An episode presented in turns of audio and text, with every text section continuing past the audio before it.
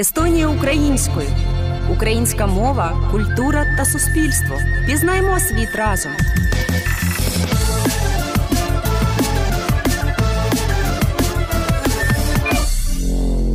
Вітаю вас в ефірі. Подкаст Естонія українською. Новий подкаст Русделфі про українську культуру, мову та життя українців, знакові особистості, цікаві теми, корисна інформація, унікальні інсайти.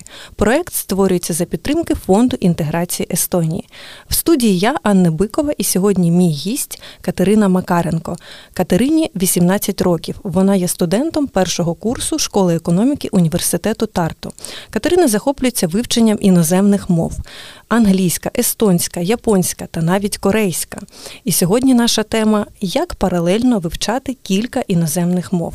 Катерино, вітаю вас. Доброго дня. Перше питання таке: у вас дві рідні мови українська та російська. Якою мовою ви мислите? Зазвичай це залежить від конкретної ситуації і від того, чим я займаюсь в конкретний даний момент. Якщо, наприклад, я створюю якийсь проєкт для університету, який, звичайно, англійською мовою, я починаю і мислити англійською мовою. У мене немає такого, що я в голові перекладаю якісь фрази і лише після того їх видаю. Тому, якщо проєкт англійською, я мислю англійською. Якщо я пишу я писала якусь роботу для школи українською, то я мислю українською. І так само у спілкуванні, якщо я спілкуюся російською, я мислю російською і так далі. Ви приїхали до Естонії без знання естонської мови яка не має нічого спільного з російською, українською та англійською, і а вже ж з корейською та японською, якими ви теж володієте. Чи важко було розпочати вивчення абсолютно нової мови? Чесно кажучи, почати це було найлегше тому що ми зараз живемо у 21 столітті, і все, що мені потрібно було зробити для того, щоб почати, це завантажити кілька додатків на мій смартфон і просто одразу почати вивчення цієї мови. Найскладніше це продовжити. Е, всі ми знаємо, що дуже важливий аспект у вивченні мов це дисципліна. І без дисципліни у нас не буде е, режиму, за яким ми будемо постійно йти, е, за яким ми будемо постійно вивчати нові теми. І тому найскладніше в цьому це продовжувати. Скільки годин на тиждень ви витрачаєте на вивчення мов?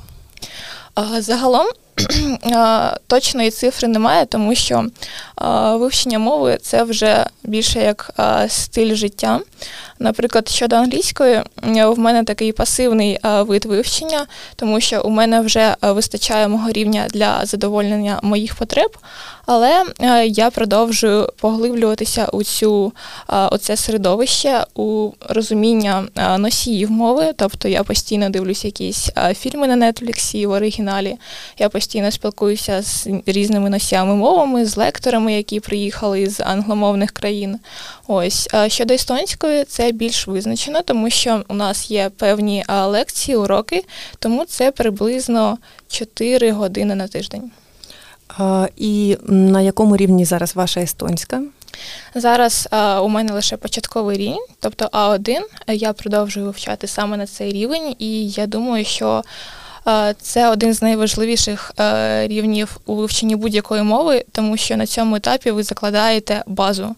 Тобто ви вчите базову граматику, ви вчите базовий словниковий запас, і це е, стане основою для поширення ваших знань у майбутньому. Дайте пораду, як зрозуміти той момент, коли від активного вивчення мови можна перейти до пасивного, до просто спілкування у вільний час з носіями мови, до перегляду фільмів. Як визначити, як визначити цей тонкий момент? Взагалі він для кожної людини різний, тому що все залежить від потреб. Наприклад, мені потрібен був рівень, на якому я можу вільно спілкуватися із лекторами, вільно розуміти матеріал в університеті, і насправді, як може здатися, це не такий високий рівень, тобто це Б2, це 1 Ось, і коли ви вивчили граматику, коли у вас вистачає вашого словникового запасу для розуміння 90% усієї лексики, яку ви чуєте, це означає, що ви можете переходити до такого більш пасивного вивчення. Так, да, я з вами погоджуюся. До того ж, є думка, що спочатку людина починає читати, потім писати іноземною мовою, вже потім говорити, і останній етап розуміти на слух. Е, чи є на практиці такі етапи, чи мають вони місце? Дійсно, це так?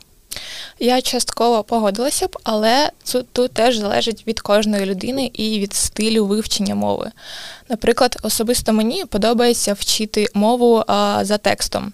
Тобто а, у мене є текстовий матеріал, в якому розписані всі граматичні правила, в якому розписані е, усі слова з перекладом, і таким чином мені найлегше сприймати інформацію.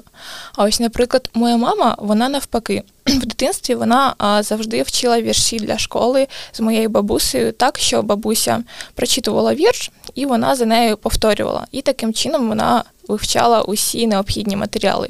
Тому для таких людей вже першим етапом почне е, буде слухання, потім говоріння, і для них вже буде е, більш підходячий е, аудіоформат. Ось тому тут залежить від стилю вивчення. Але усі ми починаємо з алфавіту, тому читання і слухання це. Тобто ви є щось... більш візуал, правильно? Так, так. А Вивчаючи естонську, чи перервали ви вивчення англійської мови? Чи вдалося поєднувати? Оскільки вивчення англійської мови в мене вже більш на такому пасивному рівні, мені не треба було нічого. Додавати до так, вашого графіку. Так, саме так. А чи плануєте ви спілкування естонською в майбутньому в університеті? Плануєте розвивати її вивчення? Однозначно планую розвивати оскільки мені дуже потрібна естонська для того, щоб в майбутньому знайти тут роботу. Я дуже хочу знайти якусь під якийсь підзаробіток для того, щоб відчувати себе більш вільно у цьому в цій країні. Ось і загалом мені дуже подобається естонська. Те, як вона звучить, це дуже м'яка така мова, вона наче тече, і мені просто приємно її вивчати. Яку кількість мов реально вивчати синхронно? Можна і 5, і 10. Просто згадайте свої е, шкільні роки, коли ви вивчали одразу дуже багато дисциплін. Але тут е, питання вже не в кількості, а в якості. Якщо ви вивчаєте одну мову, ви можете повністю зосередитися, ви можете створити ось цю атмосферу, це середовище для себе, і повністю заглибитися і дуже якісно, і дуже швидко почати вивчати мову. Якщо у вас, наприклад, вже дві або три. Це вже набагато складніше, тому що навіть середовище вам а, двомовне буде набагато складніше створити. Ось тому а, чим більше мов, тим повільніше і тим менш якісно ви вивчите їх. А чи можливо, не маючи контакту з носіями мови, вивчити якусь абсолютно нову для себе мову, скажімо, японську? А, Я впевнена, що так тому що, ну, оскільки ми маємо дуже високий технологічний прогрес, нам не потрібно навіть живо, живу людину слухати, щоб зануритися у те, як ця мова звучить. Достатньо просто включити якусь телевізійну передачу, подивитися якийсь фільм або мультик, що завгодно, щоб зрозуміти, як ця мова функціонує. Тому абсолютно не обов'язково спілкуватися напряму з носіями. А що надихнуло власне вас на вивчення корейської та японської мов? Це якось пов'язано з вашими хобі? Так, це скоріш моє таке дитяче захоплення. Перш за все, мене захопила в дитинстві азіатська культура, тому що це щось абсолютно інакше, щось, що дуже відрізняється від нас. Усі ці храми, усі їхні природні якісь об'єкти, це мене дуже захоплювало. Ось також в них є дуже цікава японська мультиплікація, яка мені теж раніше дуже подобалася. Навіть зараз іноді я можу провести вечір за переглядом якоїсь якогось е, серіалу японського. Ось. І у мене виникла тоді така ідея, що я хочу дивитися їх в оригіналі, чому б мені не почати їх вивчати. Це в будь-якому разі мені не завадить. Я вчилася в школі, тому у мене не було занадто високої. Занадто високого навантаження, тому чому б не розвивати свій мізок ще вивченням однієї мови. І скільки пройшло років або місяців від початку вашого вивчення цих мов, щоб ви змогли дивитися мультфільми та фільми корейською та японською в оригіналі? Насправді це захоплення, воно з часом почало сходити на ні, тому в майбутньому я перестала їх так е, сильно вивчати і дивитися також ці мультиплікації я вже е, перестала. Це буває дуже рідко, тому в мене немає якоїсь мотивації, щоб е, продовжувати вивчати мову на рівень, такий, щоб повністю розуміти і навіть спілкуватися ними. Але це був просто цікавий опит і розширення свого кругозору. Мабуть, найцікавіше, що е, хочуть почути сьогодні наші слухачі, це секрети, ваші лайфхаки, як вам вдається продуктивно вивчати стільки іноземних мов. Будь ласка, дайте для наших слухачів такі поради.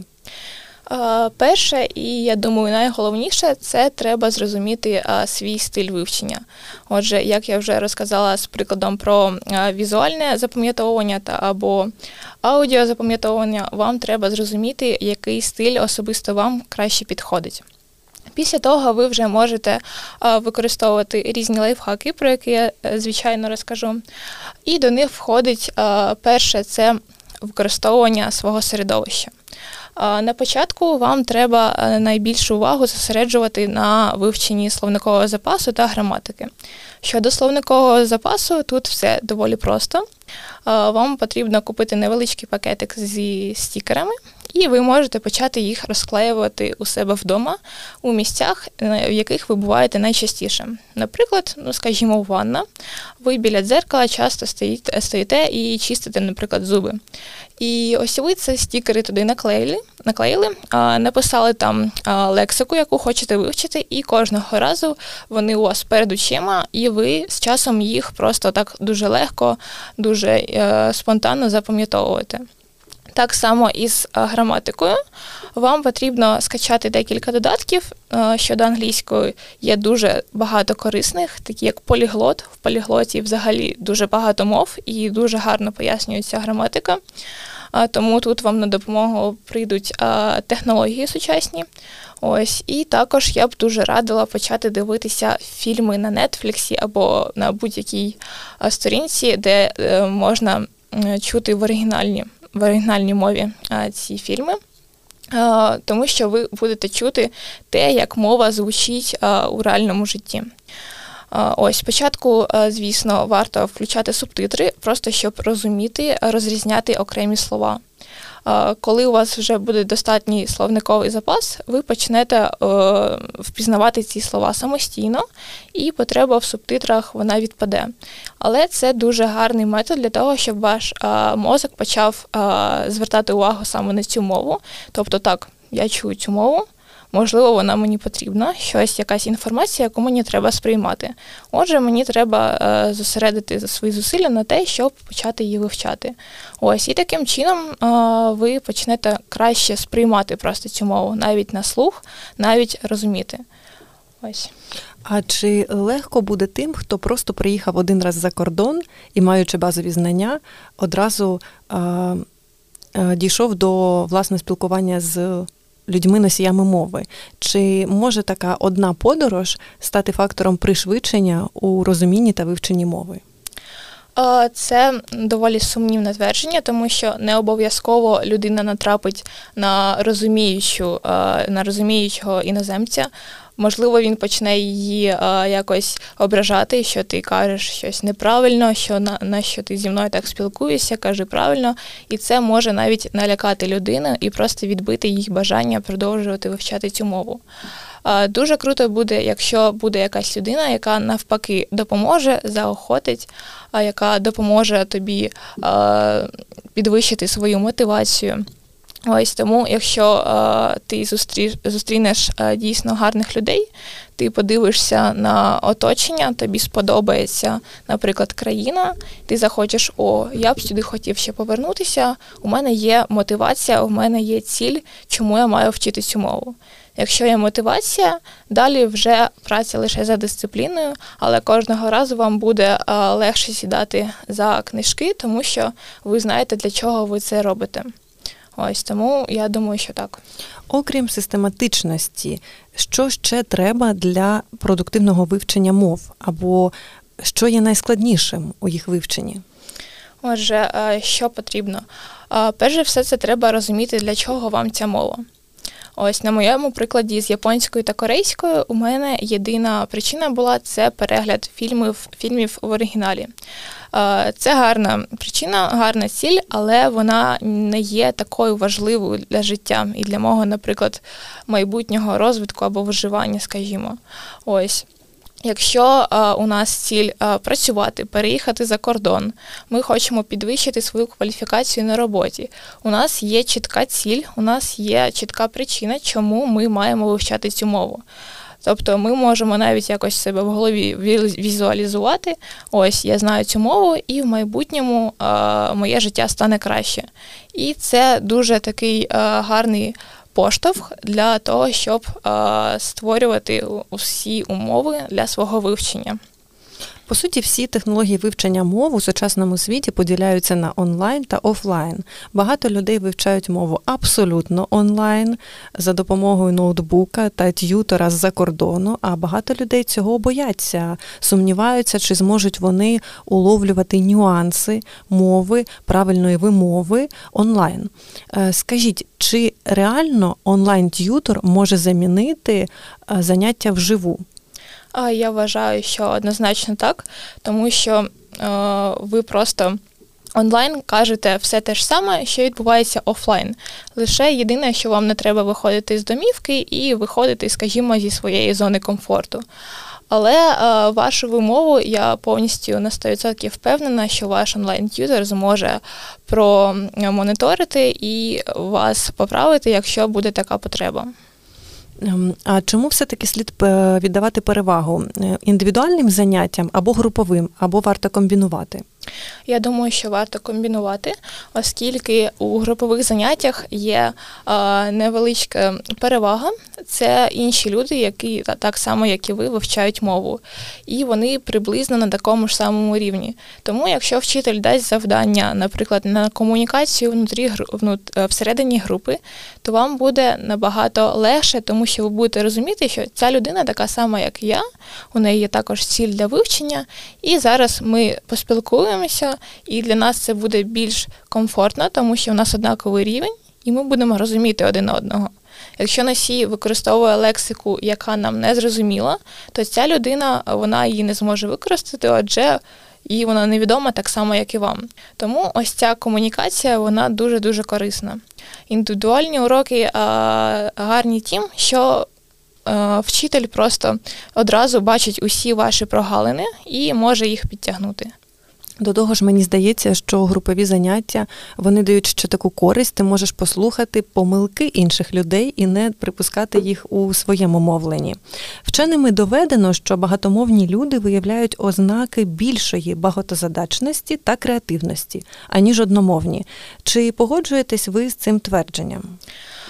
Я думаю, що так, оскільки знання мов розширює не тільки ваш просто словниковий запас і багаж знань, але й те, як ви сприймаєте світ.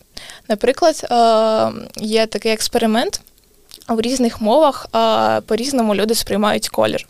Наприклад, у японській назва кольору означає і зелений, і синій одночасно. Тому для них це дуже важко їх е, розрізняти ось ці два кольори. А для нас це навпаки, ми дуже гарно розрізняємо ці відтінки. І так само це стосується усіх загалом аспектів. Якщо немає якогось слова у мові, то людині набагато складніше сприймати цей об'єкт або колір, або взагалі щось завгодно. Тому, вивчаючи мови, ви можете навіть розширити своє сприйняття світу. А власне, ви займаєтесь творчістю? А так, я займаюся спортивно-бальними танцями, і, чесно кажучи, мова мені також допомагає в цьому, оскільки е, я приїхала за кордон. І тут а, абсолютно а, інші вчителі, вони з різних країн сюди приїжджають, тому мені допомагає і естонська з естонськими вчителями, і англійська, якщо мені не вистачає естонської. І, наприклад, буває, приїжджають е, з Великої Британії вчителі, тоді, звичайно, це дуже корисно. Я дуже рада, що почала вивчати цю мову ще в дитинстві. На певному етапі ви почали викладати іноземну мову і працювати репетитором з англійської. Розкажіть, як це відбулося? Чесно кажучи, ще будучи в школі, я була відмінницею, і часто бувало таке, що однокласники просто просили мене пояснити пояснити якусь тему, яку самі вони не дуже зрозуміли. І ще тоді я зрозуміла, що в мене є невеликий хист до навчання інших людей. Я не можу сказати, що саме це мені дуже подобається, але мені подобається ось ця комунікація. Тобто, ви просто без ніякої ні агресії, ні емоційного якогось навантаження, ви просто вивчаєте мову. У вас одна і та ж сама ціль для одного вивчити, для другого для другого е, навчити. Ось і тому мені цей процес просто приносить якесь задоволення, коли учень просто починає розуміти і ти отримаєш цю порцію ендорфінів, що так, я молодець, я змог йому пояснити. І ось я зробила якийсь внесок у життя цієї людини. У вас ніколи не було думки присвятити своє життя професійному вивченню або філології, або педагогіки? Це скоріше більше як хобі для мене. Тобто навіть навчання Репетиторство це теж більше як хобі, яке мені приємне, але не є моєю ціллю е, в житті. Педагогіка, можливо, я б хотіла навчати спортивно-бальному танцю, тому в якомусь сенсі так педагогіка це те, що мені близьке, але це не пов'язано з мовами. Який фідбек дають вам дітки від занять з вами? Буває різний. Це зазвичай залежить від того, чи змушують їх батьки чи ні. Але насправді навіть з проблемним хлопцем, з проблемним хлопцем нещодавно була така ситуація. Його мама просто змушувала вивчати англійську. І на моїх уроках він ну, ніколи не показував ніякої мотивації. Ну, Йому це просто не треба. І одного уроку мені просто це набридло. Я беру гроші, але дитина нічого не вчить. Ну, це, типу, для мене це не пристойно просто. І я кажу йому: слушай, Денис, твоя мама платить мені гроші для того, щоб ти вивчав мову. Давай визначимо, для чого тобі ця мова. Ким ти хочеш стати? І він мені каже: Я хочу стати програмістом. Була просто хвилина тиші. І я кажу: ти ж розумієш, що програмісти вони без англійської ну, взагалі нікуди. Ну так, я розумію, ну ну на що воно мені треба. І в результаті після е, ще декілька е, таких хвилин е, цієї розмови у нього прям мотивація ця виросла. Я йому пояснила, що я тут не для того, щоб тебе змушувати, як твоя мама, я тут тобі для того, щоб допомогти тобі у е, вивченні цієї мови для того, щоб ти її міг використовувати в майбутньому.